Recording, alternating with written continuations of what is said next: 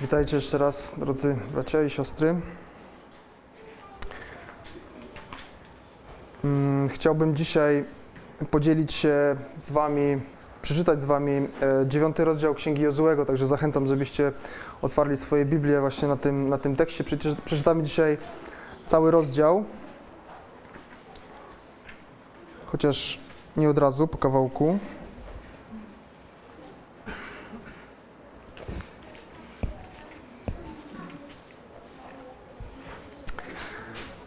I na początek przeczytam, na początek przeczytam y, dwa pierwsze wersety. Gdy usłyszeli o tym królowie panujący po zachodniej stronie Jordanu, na Pogórzu i na Nizinie oraz na całym wybrzeżu Morza Wielkiego na wysokości Libanu, to jest Chetyci, Amoryci, Kananejczycy, Peryzyci, Chiwici i Jebuzyci, zjednoczyli się, aby wspólnie walczyć z Jozłem i z Izraelem. Na razie tyle. Mm, W tym pierwszym wersecie czytamy o tym, że mieszkańcy Kanaanu, te wszystkie ludy, które tutaj zostały wymienione o e, dziwnych nazwach, o czymś usłyszeli. Królowie mm, panujący w tych narodach usłyszeli jakąś wieść. I chodzi tutaj o to, że do nich tak naprawdę dotarły, e, do nich dotarły wieści o tych wszystkich wydarzeniach, które opisuje właśnie Księga Jozułego wcześniej, te wcześniejsze rozdziały, a nawet to, co działo się jeszcze wcześniej, kiedy Izraelici wyszli z Egiptu po długim czasie spędzonym tam pod wodzą Mojżesza. Oni pi- pierwszy raz próbowali wejść do Kanaanu, ale to się nie udało. Pan Bóg ich zawrócił. Spędzili potem 40 lat na pustyni, gdzie zmieniło się tak naprawdę to pokolenie Izraelitów, którzy mieli wejść do Kanaanu. W międzyczasie Jozue przejął przywództwo nad Izraelem od, od Mojżesza. No i właśnie Izrael pod przywództwem Jozuego wszedł do Kanaanu już od drugiej strony. Oni po, za pierwszym razem próbowali wejść od zachodu, y, za drugim razem już od wschodu weszli do Kanaanu, przekraczając Jordan. No i zapewne y, pamiętacie mm, pewne wydarzenia, które temu towarzyszyły. Jeszcze zanim przekroczyli Jordan, pokonali dwóch królów amoryckich, Oga i Sychona. E, Następnie Pan Bóg rozdzielił rzeki Jordanu, weszli do Kanaanu i pokonali miasto, zdobyli miasto Jericho. Jest wcześniej w księdze Jozuego opisana historia e, e, nierządnicy Rahab, mieszkanki tego miasta, która jako jedyna wraz ze swoją rodziną i jako jedyni zostali uratowani z, z, z Jericha. Później jest opisana historia e, zdobycia miasta Ai przez Izraelitów. Na, za pierwszym razem znowu mi się to nie udało, yy, dlatego że jeden z Izraelitów, Achan, wziął coś z, e, z, ze zdobyczy w Jerychu, co wyraźnie zostało za, zakazane przez Pana Boga. Achan, jego grzech został ujawniony, został ukarany i wtedy dopiero Izraelitom udało się zdobyć miasto Ai. To jest taki mniej więcej kontekst, o którym mówi e, o którym tutaj mówią właśnie ci królowie, te, te, te wydarzenia, które oni wspominają, o których usłyszeli, które do, dotarły do ich uszu.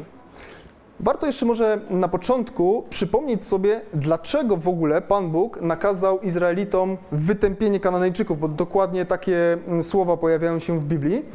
I jakby takim ogólnym powodem była niemoralność, niemoralny sposób życia tych ludów zamieszkujących Kanaan, ale były takie dwa grzechy, dwa problemy szczególnie znienawidzone przez Pana Boga, na które szczególnie zwraca uwagę.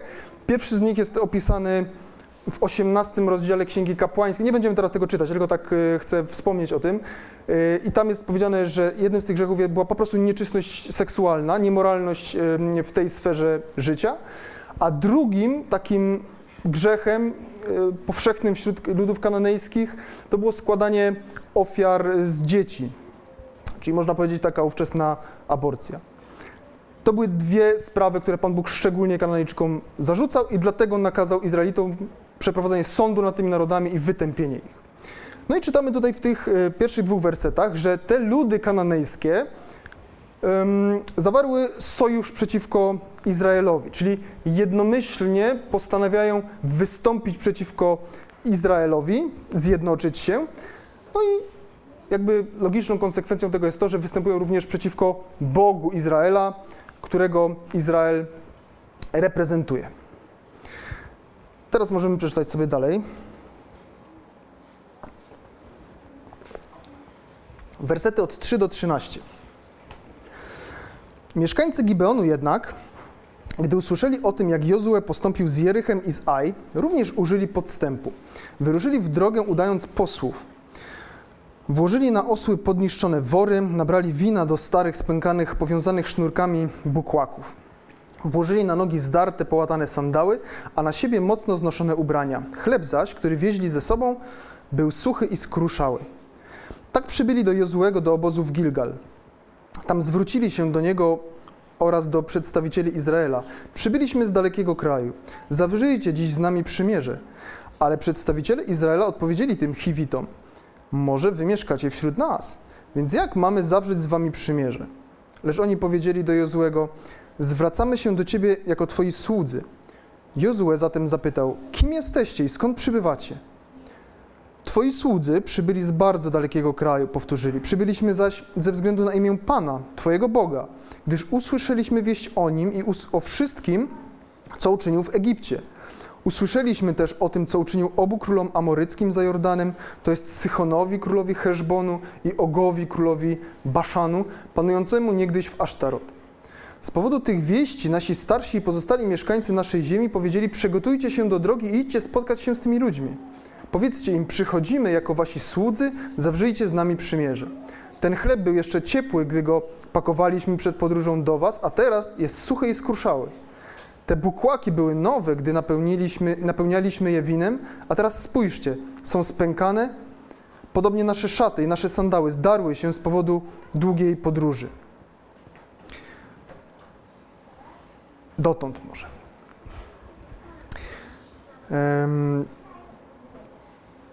Może prosiłbym, żeby wyświetlić tą mapę, którą tam przygotowałem, to pokazałbym. Nie wiem, czy to coś troszkę to małe jest, ale jakbyśmy popatrzyli na mapie, to widzimy tutaj kawałek, e, w powiększeniu kawałek e, Izraela. I możemy tutaj zidentyfikować te miasta, o których mówiliśmy. Na przykład tutaj jest, tutaj jest Ai, o którym wspominałem i ten tekst też o tym wspomina. Tutaj jest miasto Gibeon, o którym będziemy dzisiaj mówić. Jerycha nie ma na tej mapie, Jericho jest gdzieś tutaj bardziej na, na wschód, gdzieś, gdzieś tutaj, bliżej, bliżej Jordanu. No i można tutaj też znaleźć e, to miejsce, w którym przebywali Izraelici, czyli Gilgal, położone tutaj. W tym miejscu obozowali. Czyli można tutaj wyraźnie zobaczyć, że ta odległość między Gibeonem i Gilgal, zresztą tutaj jest skala, właśnie ona wynosi około 15 km. Czyli to jest e, no, niedaleko, tak? W, w obrębie jednego dnia marszu bez żadnego problemu, nawet krócej. Widzimy więc, że Gibeonici rzeczywiście mieszkali e, blisko Izraelitów. E, co jeszcze, czego możemy się jeszcze dowiedzieć o tym mieście, o Gibeonie? W następnym rozdziale, werset 10.2, możemy przeczytać takie zdanie. Gibeon był bowiem wielkim miastem, jak jedno z miast królewskich, większym od Aj, a wszyscy jego mężczyźni byli wojownikami. Więc dowiadujemy się o tym, że Gibeon był jednym z miast Hiwitów, że było to miasto wielkie, że, było, że był on jak miasto królewskie, że mieszkali tam wojownicy. No i widzimy tutaj też z tego, co ci Gibeonici mówią do Izraela, że ta wieść o tym, czego dokonał Izrael razem ze swoim Bogiem, bardzo szybko rozchodziła się po mm, Kanaanie i wtedy każdy z tych narodów zamieszkujących, e, zamieszkujących ten teren, czy nawet e, każdy król, czy każde miasto, stanęli przed pewnymi niezaprzeczalnymi faktami, z którymi musieli się zmierzyć i jakoś wobec nich zareagować. Czytamy o tym, że e, w innych fragmentach Biblii możemy czytać o tym, że Izrael w sumie był w porównaniu z innymi ludami Kanaanu dość takim nędznym narodem. Pamiętamy, że to jest naród byłych niewolników egipskich. Co prawda ich liczebność to jest około 2 milionów osób, ale też jest napisane, że to było mniej niż każdy z narodów Kanaanu jakby liczony osobno. Poza tym też czytamy, że byli relatywnie słabi fizycznie, porównując na przykład do olbrzymów, którzy zamieszkiwali Kanaan, przynajmniej jakiś tam, jakaś ich była liczba.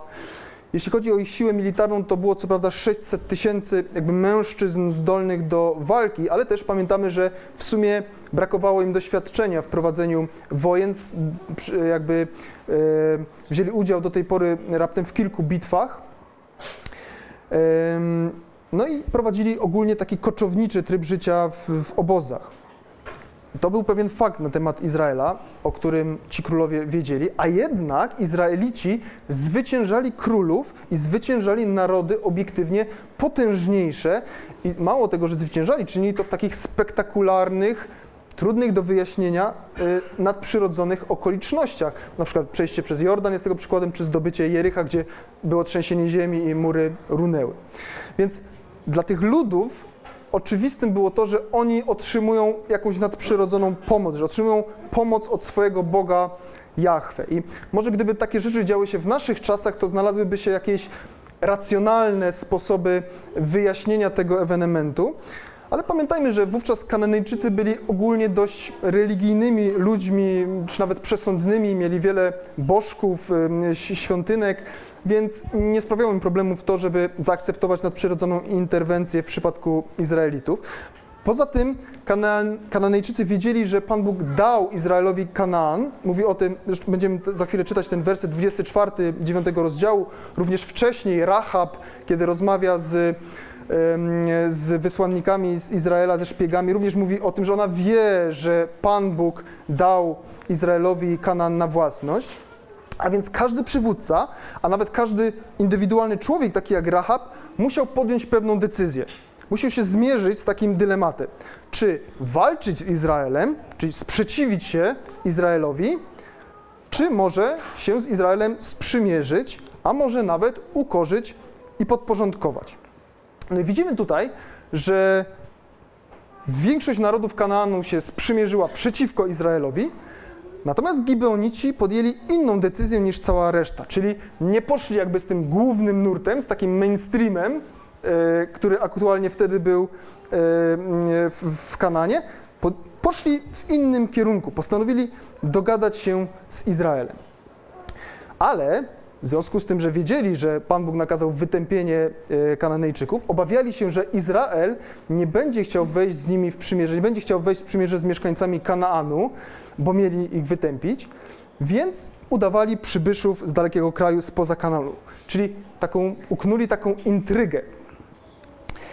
I podobnie jak Izraelici w Aj posłużyli się podstępem, tak byśmy przeczytali opis tej bitwy, to oni tam wyprowadzili w pole y, mieszkańców Aj, E, co zresztą było zainspirowane i podpowiedziane im przez Pana Boga. Również Gibeonici postąpili w tym przypadku e, z pewną, no, z przebiegłością. To słowo hebrajskie, przebiegłość użyte tutaj w tym, w tym przypadku, ono może mieć za, zarówno takie zabarwienie pozytywne, jak i negatywne. To znaczy w innych miejscach w Biblii jest używane zarówno w takim znaczeniu, jak i w takim. E, no i kto wie, jeżeli tutaj jest przywołany podstęp e, Izraelitów w Ai, to może również ten podstęp był w jakiś sposób zainspirowany przez Pana Boga. Nie jest to co prawda wprost powiedziane, ale możemy się tego domyślać, chociaż nie wiemy tego na pewno.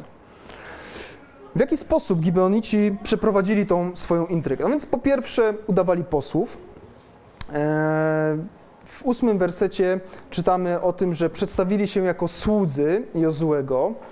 No i 10, 11 werset mówią o tym, że powołali się na dokonania Boga Izraela i tym uzasadnili to swoje uniżenie i to, że przyszli do Izraelitów w pokorze, czyli, możemy powiedzieć, trochę się podlizali Jozuemu, wspominając te wszystkie rzeczy. Powiedzieli o tym, że przybyli z daleka, no i jako dowód zabrali ze sobą stary chleb, zużyte bukłaki na wino, stare ubrania, no i skłamali, Powiedzieli, że wszystkie te rzeczy były świeże, nowe, kiedy wyruszali w drogę, co mogło sugerować właśnie ten duży dystans, który, który przebyli.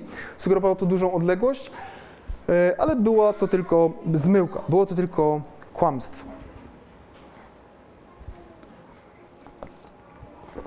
Możemy sobie zadać w takim razie pytanie, czy Gibeonici postąpili dobrze? Co byście powiedzieli? Zależy, jak na to spojrzeć, prawda? Z jakiej perspektywy. No bo z jednej strony posłużyli się niewątpliwie podstępem, kłamstwem, posłużyli się manipulacją i to są rzeczy jednoznacznie złe. To, są, to jest grzech. Ale zauważmy, że Rahab w Jerychu również musiała kłamać. Gdybyście przeczytali tą historię, to kiedy tam strażnicy miasta pytają, czy ona ukryła, czy że, proszą, żeby wydała e, tych posłów, tych szpiegów izraelskich, on mówi, nie ma ich, oni już poszli, wyszli z miasta. Więc również kłamie. I myślę, że w ten sposób po tym zachowaniu poznajemy taką prawdziwą naturę, taką ludzką, cielesną naturę tych ludzi, którzy zamieszkiwali wówczas e, Kanaan. To, to nie byli doskonali ludzie. Mówiliśmy o tym, oni byli zepsuci moralnie i w tym zachowaniu widzimy to, że dla nich skłamać, powiedzieć półprawdę, pokombinować, to był taki naturalny sposób życia, załatwiania sobie spraw i radzenia z problemami. I dokładnie tak e, zrobili Gibeonici w tym, e, w tym przypadku. Takie kłamstwo w słusznej sprawie popełnili. Z drugiej jednak strony trzeba powiedzieć, że w ich postępowaniu widać taką prawdziwą wiarę w Boga Izraela. Widać wiarę w Jego potęgę, w Jego moc, w Jego możliwości. Mówią o tym wyraźnie. I mało tego, jest to taka wiara żywa. To jest wiara, która powoduje w ich życiu konkretne decyzje i konkretne działania. U Gibeonitów widać również determinację do tego, aby ratować swoje życie.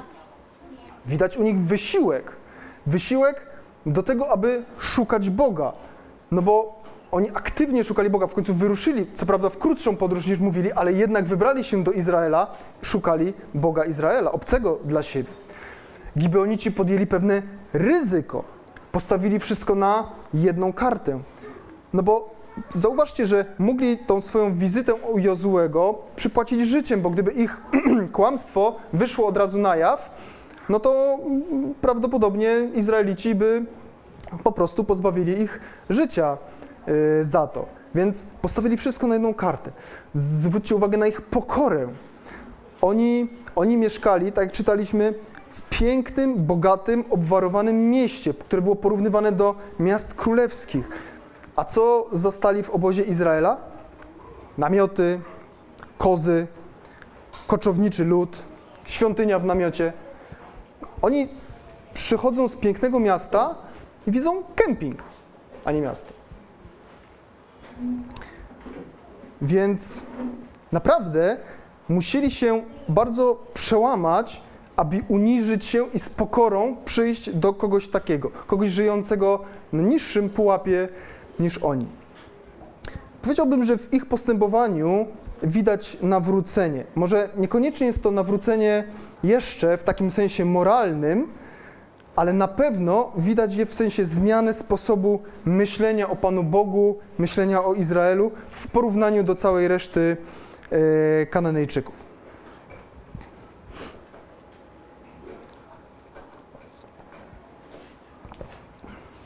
Przeczytajmy teraz do końca, od 14 do 27. Przedstawiciele Izraela skupili się na tych, do, na tych ich dowodach, ale Pana o radę nie pytali. Jozue zawarł więc z nimi pokój i wszedł z nimi w przymierze. Obiecał, że zachowa ich przy życiu, a książęta zgromadzenia potwierdzili to przysięgą. Jednak po trzech dniach od zawarcia przymierza wyszło na jaw, że ci ludzie pochodzą z bliskich okolic, że właściwie mieszkają pośród nich. Izraelici ruszyli w drogę i trzeciego dnia przybyli do ich miast. Były to Gibeon, Kefira, Beerod i Kirjat Jearim. Nie mogli ich jednak pobić, gdyż książęta zgromadzenia złożyli przysięgę na Pana, Boga Izraela, że zachowają ich przy życiu. Zgromadzenie zaczęło zatem szemrać przeciw swoim książętom. Wtedy wszyscy książęta oświadczyli wobec zgromadzenia: Złożyliśmy im przysięgę na Pana, Boga Izraela, i teraz nie możemy ich tknąć. Jest jednak coś, co możemy uczynić, pozostawiając ich jednocześnie przy życiu i nie ściągając na siebie gniewu z powodu naszej przysięgi. I tu rozstrzygnęli: Niech pozostaną przy życiu, lecz niech służą przy rąbaniu drewna i roznoszeniu wody dla całego zgromadzenia. Jozue zaś wezwał ich i zadał im pytanie: Dlaczego nas oszukaliście, mówiąc, że mieszkacie daleko stąd, skoro mieszkacie właściwie pośród nas? Ściągnęliście na siebie przekleństwo, będziecie teraz stale służyć przy rąbaniu drewna i czerpaniu wody dla domu mojego Boga. Wtedy oni odpowiedzieli Jozuemu, Twoim sługom doniesiono wyraźnie, co Pan Twój Bóg nakazał Mojżeszowi swojemu słudze, aby przekazać Wam całą tę ziemię, kazał Wam wytępić wszystkich jej mieszkańców. Z Waszego powodu przestraszyliśmy się więc o nasze życie i dlatego postąpiliśmy w ten sposób. Teraz jednak masz nas w ręku. Zrób z nami, co uznasz za dobre i prawe. I Jozue tak właśnie uczynił. Ochronił ich przed Izraelitami, tak że ci ich nie wybili. W tym dniu jednak Jozue przeznaczył ich do rąbania drewna i do czerpania wody dla zgromadzenia i dla ołtarza Pana w miejscu, które on miał wybrać. I tak jest do dnia dzisiejszego.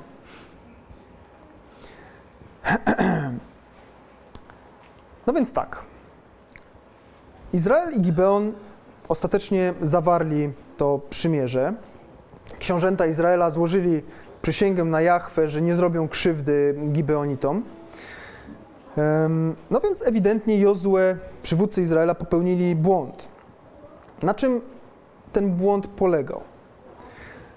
Jest to chyba jedna, może są dwie takie sytuacje w Biblii, gdzie jest opisane, że Jozue, który niewątpliwie jest takim bohaterem wiary, takim proroczym typem Mesjasza, pokazuje, że jednak był tylko człowiekiem, był niedoskonały i popełnia jakiś tam błąd.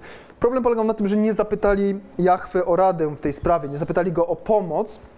Jest to wyraźnie napisane. No i co możemy powiedzieć, że na przykład Mojżesz w trudnych momentach, kiedybyśmy prześledzili jego, jego życie, jego historię, kiedy nie wiedział, co ma robić, to przychodził do Pana, wołał do Niego i pytał Go o radę. Możemy o tym przeczytać na przykład w 15 rozdziale Księgi Wyjścia, w 17 rozdziale Księgi Wyjścia. Albo jest taki jeden fragment, który przeczytam, 33 rozdział Księgi Wyjścia, wersety 10-11. I widział cały lud słup obłoku stojący u wejścia do namiotu.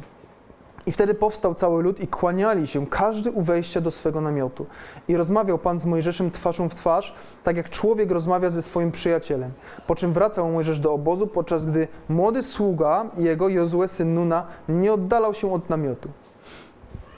Widzimy więc, że Mojżesz regularnie spotykał się z Panem Bogiem, regularnie z Nim rozmawiał, jak z przyjacielem, czyli rozmawiał z Nim o wszystkim. I Jozue też był tego świadkiem. Jozue widział to i wiedział, jak się tego typu sprawy załatwia. Ale nie tylko Mojżesz tak robił, bo również jego uczeń Jozue e, również miał podobny zwyczaj. Na przykład po tej klęsce pod Aj, e, o której mówiliśmy, po tej pierwszej klęsce, zrobił tak. Czytam o tym w siódmym rozdziale Księgi Jozuego. Wtedy Jozue rozdarł swoje szaty, padł twarzą na ziemię przed skrzynią Pana i leżał tak aż do wieczora, a on, e, on i starsi Izraelscy i sypali proch na swoje głowy. I rzekł Jozue, ach Panie, Panie mój, dlaczego przeprowadziłeś ten lud przez Jordan? Czy aby wydać nas w ręce Amoryjczyków na zagładę? Obyśmy byli pozostali po tamtej stronie Jordanu. O Panie, cóż, mamy, cóż mam powiedzieć, gdy oto Izrael odwrócił się tyłem do swoich nieprzyjaciół. Usłyszą to Kananejczycy i wszyscy mieszkańcy tej ziemi zwrócą się przeciwko nam i wytępią imię nasze z tej ziemi. Co wtedy uczynisz dla wielkiego imienia swego? A Pan rzekł do Jozłego, wstań, czemu leżysz twarzą do ziemi?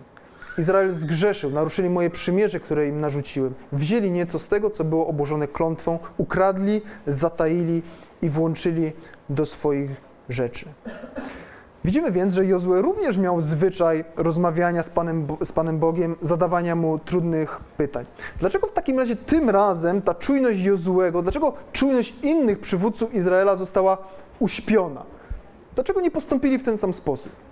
Nie jest to dokładnie tutaj napisane, możemy tylko się nad tym zastanawiać, możemy spekulować. Może wydawało im się to łatwą sprawą, może nie chciało im się po prostu iść do namiotu spotkania, zapytać Pana Boga, może się spieszyli, może się wstydzili przed gośćmi, że muszą iść i zapytać się swojego Boga i że oni nie potrafią w tej sprawie sami rozsądzić. A może po prostu za bardzo skupili się na tych rzekomych dowodach zaprezentowanych przez Gibeonitów, a więc polegali na swoim rozsądku, na swoich umiejętnościach, na swojej mądrości, no i dali się oszukać. A tak naprawdę rozum powinien im podpowiedzieć nie to, żeby wejść w przymierze z Gibeonitami, ale żeby zapytać Pana. Więc korzystanie, widzimy z tego przykładu, że korzystanie z rozumu, z rozsądku jest jak najbardziej dobre i polecam to z całej siły, ale musimy mieć świadomość tego, że nasza mądrość musi, może nas również sprowadzić na manowce i dać się po prostu oszukać. Możemy się też zastanowić, co by się stało, gdyby jednak Izraelici zapytali Pana Boga o radę w tej sprawie, co Pan Bóg by im odpowiedział? Również nie mamy tej sytuacji, więc możemy się tylko domyślać, co by się stało. Przypuszczam, że Pan Bóg e, ujawniłby ten podstęp Gibeonitów, powiedziałby, że oni tak naprawdę są sąsiadami Izraelitów. E, ale jaki miałoby to wtedy wpływ na wiarę zarówno Izraelitów, którzy zobaczyliby, że znowu Pan jest pośród nich i ujawnił ten podstęp, tą intrygę, a jaki miałby to też wpływ na wiarę Gibeonitów, którzy na własne oczy i uszy zobaczyliby, że rzeczywiście jest Bóg pośród Izraela i że był w stanie e, to ich oszustwo e, ujawnić. Czy w takim przypadku Gibeonicy zostaliby jednak wytępieni i ta ich wiara okazałaby się daremna? Nie wiemy tego, bo tak się losy nie potoczyły, ale nie sądzę, żeby tak było. Myślę, że Pan Bóg zawsze potrafi znaleźć jakieś dobre wyjście z każdej sytuacji. Ale wiecie, nie wiemy, jakby się skończyła przy tym hipotetycznym scenariuszu ta sytuacja, ale myślę, że równie, a może nawet bardziej pocieszające jest to, że Pan Bóg potrafi znaleźć dobre wyjście z sytuacji, kiedy ludzie po prostu zawodzą, tak? Kiedy Gibeonici kłamali, oszukiwali, knuli podstęp, ale Izraelici nie byli dużo lepsi, ponieważ go ignorowali, nie chcieli dopuścić Pana Boga do głosu w tej sprawie, a jednak Pan Bóg znalazł jakieś wyjście z tej sytuacji. Więc myślę, że jeden wniosek, który na pewno płynie z całej tej historii, jest taki, że Pan Bóg chce, żebyśmy do Niego przychodzili z naszymi e, problemami. I to nie tylko tymi problemami krytycznymi, kiedy już wszystko nam się wali na głowę, ale żebyśmy przychodzili do Niego z wszystkim. Tak jak to czytaliśmy wcześniej, Mojżesz rozmawiał z Bogiem jak ze swoim przyjacielem, czyli rozmawiał z Nim o wszystkim, zarówno o rzeczach ważnych, jak i tych błahych, o poważnych i śmiesznych. I przypuszczam, że o wszystko go pytał, pytał i pytał. Oczekiwał na odpowiedź, na radę, wylewał przed Bogiem swoje serce. I właśnie ten tekst, między innymi do tego nas dzisiaj zachęca, do bliskiej przyjaźni z Bogiem i szczerej rozmowy z Nim o wszystkim, również o tym, co może nam się wydawać proste.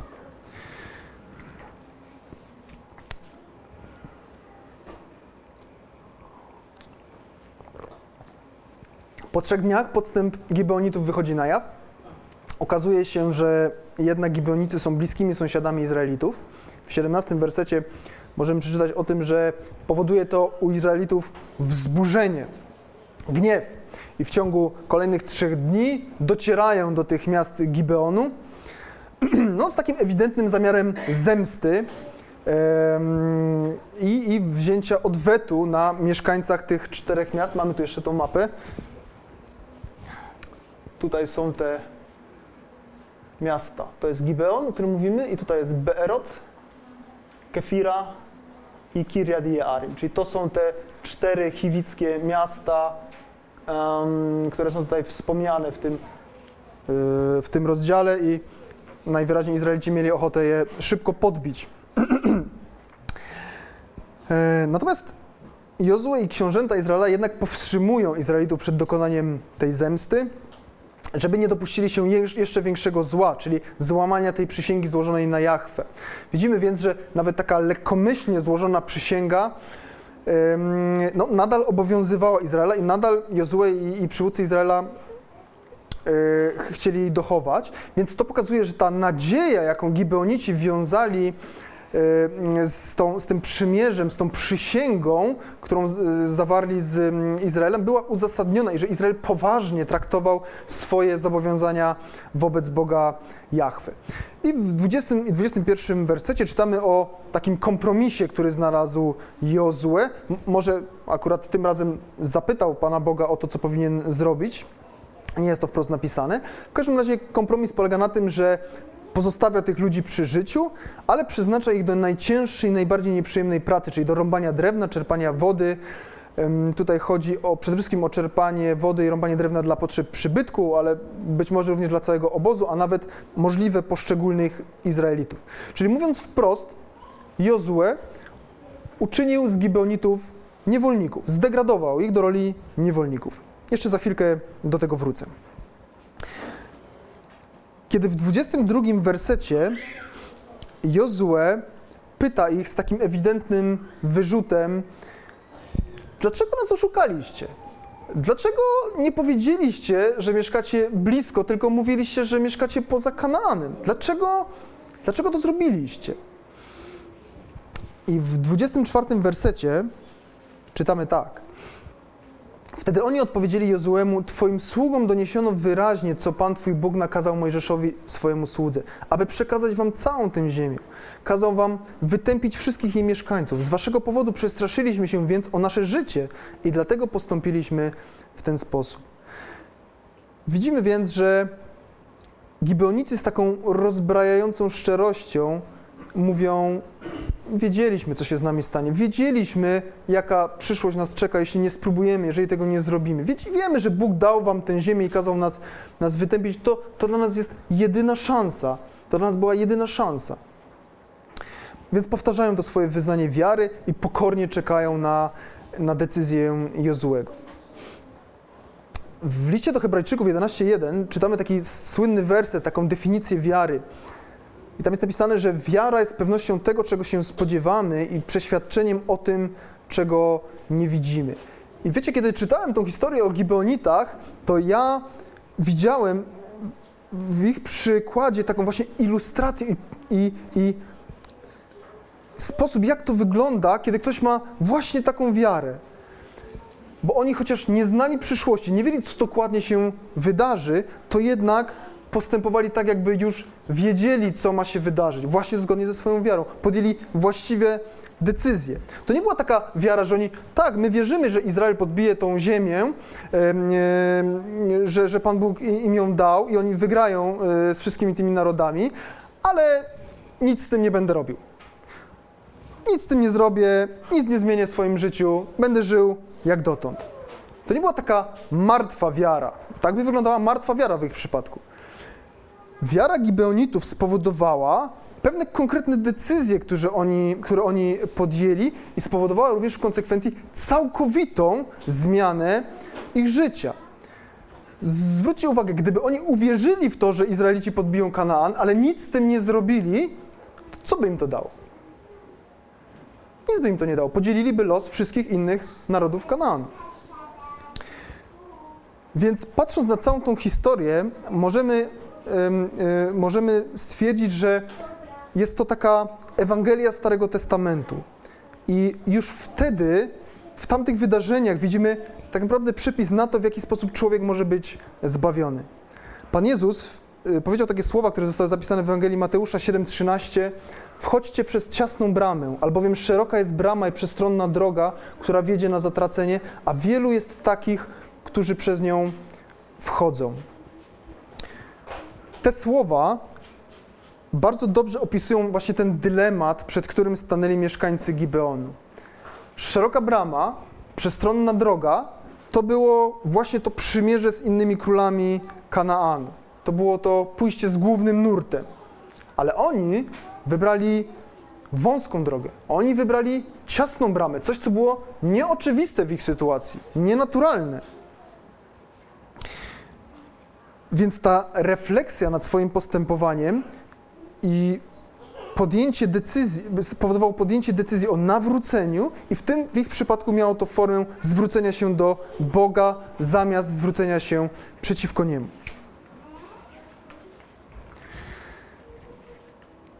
I wiecie, gdybyśmy porównali tą sytuację, w jakiej znaleźli się Gibeonici mm, z naszą rzeczywistością, z tym, co mamy obecnie wokół nas, to można zauważyć bardzo dużo podobieństw, bo kiedy rozejrzymy się dookoła, do, popatrzymy na ludzi, którzy nas otaczają, czy, czy kraje, które nas otaczają, to możemy zobaczyć, że często można spotkać się z taką wrogością, z nieposłuszeństwem ludzi wobec Boga, z wszechobecnym ateizmem.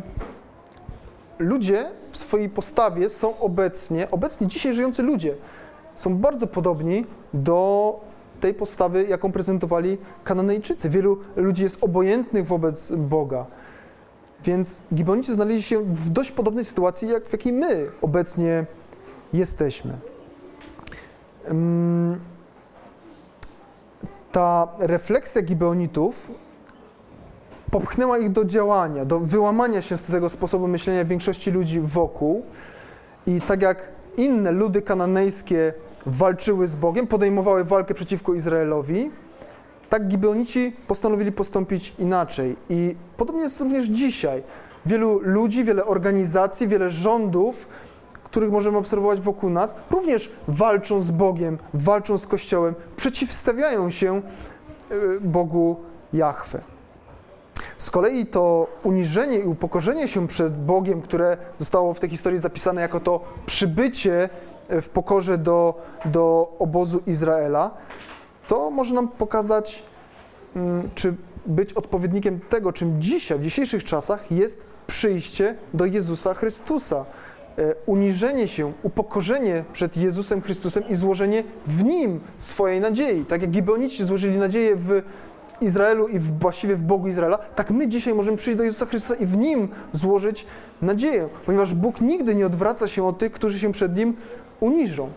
I tak jak Gibeonici zasłużyli na potępienie przez wszystkie swoje grzechy, tak samo jak ludy Kananu. Nie jest nigdzie napisane, że oni byli lepsi od, od, od ludów Kananu. Prawdopodobnie również dopuszczali się wszystkich tych niemoralnych uczynków, o których mówiliśmy wcześniej. A jednak Jozue i Bóg ostatecznie okazali im łaskę. I my tak samo zasługujemy na potępienie ze względu na nasze, na nasze grzechy, a jednak Jezus okazał nam łaskę. Ponieważ zbawienie jest zawsze darem, jest czymś, na co nie zasługujemy. Pan Jezus powiedział również takie słowa: a od dni Jana Chrzciciela aż dotąd Królestwo Niebios doznaje przemocy i porywają je ludzie niepowstrzymani. I właśnie tego rodzaju wiarę widzę u Gibeonitów. Wiarę taką gwałtowną. To byli ludzie niepowstrzymani. W ich postępowaniu widać tego rodzaju wiarę i determinację, o jakiej właśnie tutaj mówi Pan Jezus. Determinację w ratowaniu swojego życia, determinację tego, żeby dostać się do Królestwa Bożego. Postawili wszystko na jedną kartę. Nie cofnęli się. Kiedy Gibeonici weszli już e, w przymierze z Izraelem, to widzieli dalsze dzieje, dalsze wydarzenia, które towarzyszyły temu narodowi. Na przykład w dziesiątym rozdziale możemy przeczytać y, o tym, że ci koledzy Gibeonitów, sąsiedzi jakby, mm, czy inne, inne ludy Kanaanu postanowiły zaatakować Gibeonitów. Izrael poszedł im z odsieczą i ta odsiecz się udała, obronili, obronili Gibeonitów. E, również w nadprzyrodzonych okolicznościach, bo tam Pan Bóg zesłał kamienie na, na, na swoich wrogów i Gibeonici byli tego świadkami. E, bardzo szybko. W 12 rozdziale Księgi Jozułego jest w ogóle spis podbitych królów i krain, wszystkie ludy, których podbili Izraelici. I tam nie ma Gibeonitów. Więc bardzo wyraźnie wtedy przekonali się Gibeonici, że podjęli dobrą decyzję, ponieważ inaczej sami figurowaliby w tym spisie podbitych narodów, gdyby tak nie postąpili. Księga Objawienia również mówi o pewnym spisie, mówi o spisie ludzi odkupionych. Ten, ta księga nazywa się Księgą Życia. I wiecie, jeżeli my chcemy być ujęci w tym spisie, jeżeli chcemy figurować w Księdze Życia, to tak naprawdę musimy pójść tą samą drogą, którą poszli Gibeonici.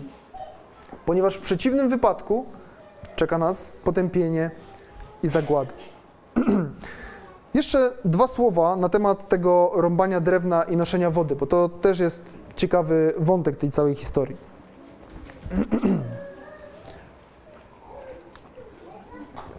Kiedy się nad tym zastanawiałem, to doszło do mnie, że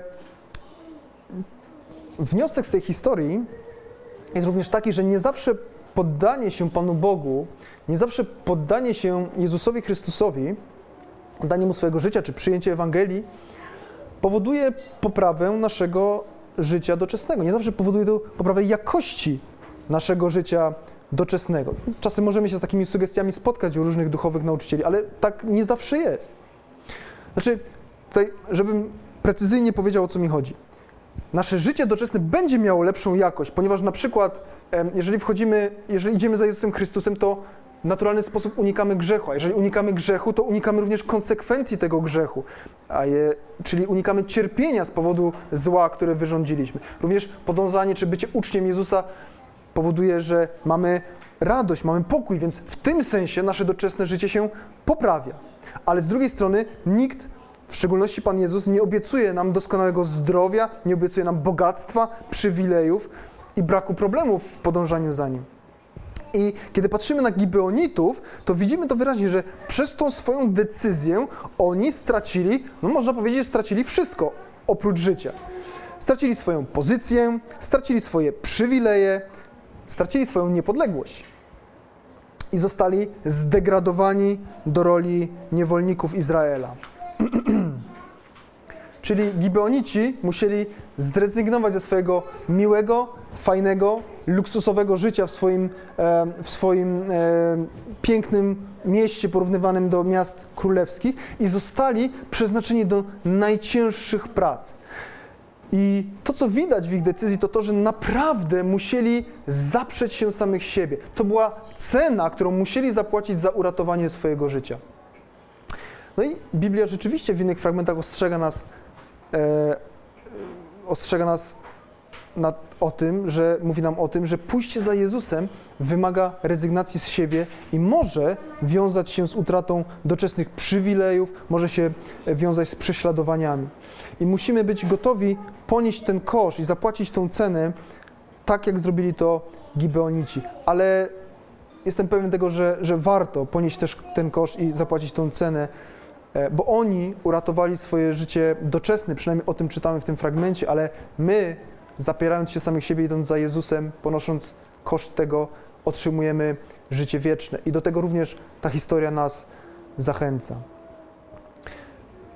I już tak podsumowując, absolutnie nie chcę Was zachęcać do tego, żebyście we wszystkim naśladowali Gibeonitów, bo na, na, pewno nie jest moim celem namawianie Was do tego, żeby używać kłamstwa, żeby używać manipulacji oszustwa do tego, żeby osiągnąć swoje cele, a Gibeonici niewątpliwie tak właśnie postąpili. W tym nie naśladujmy Gibeonitów.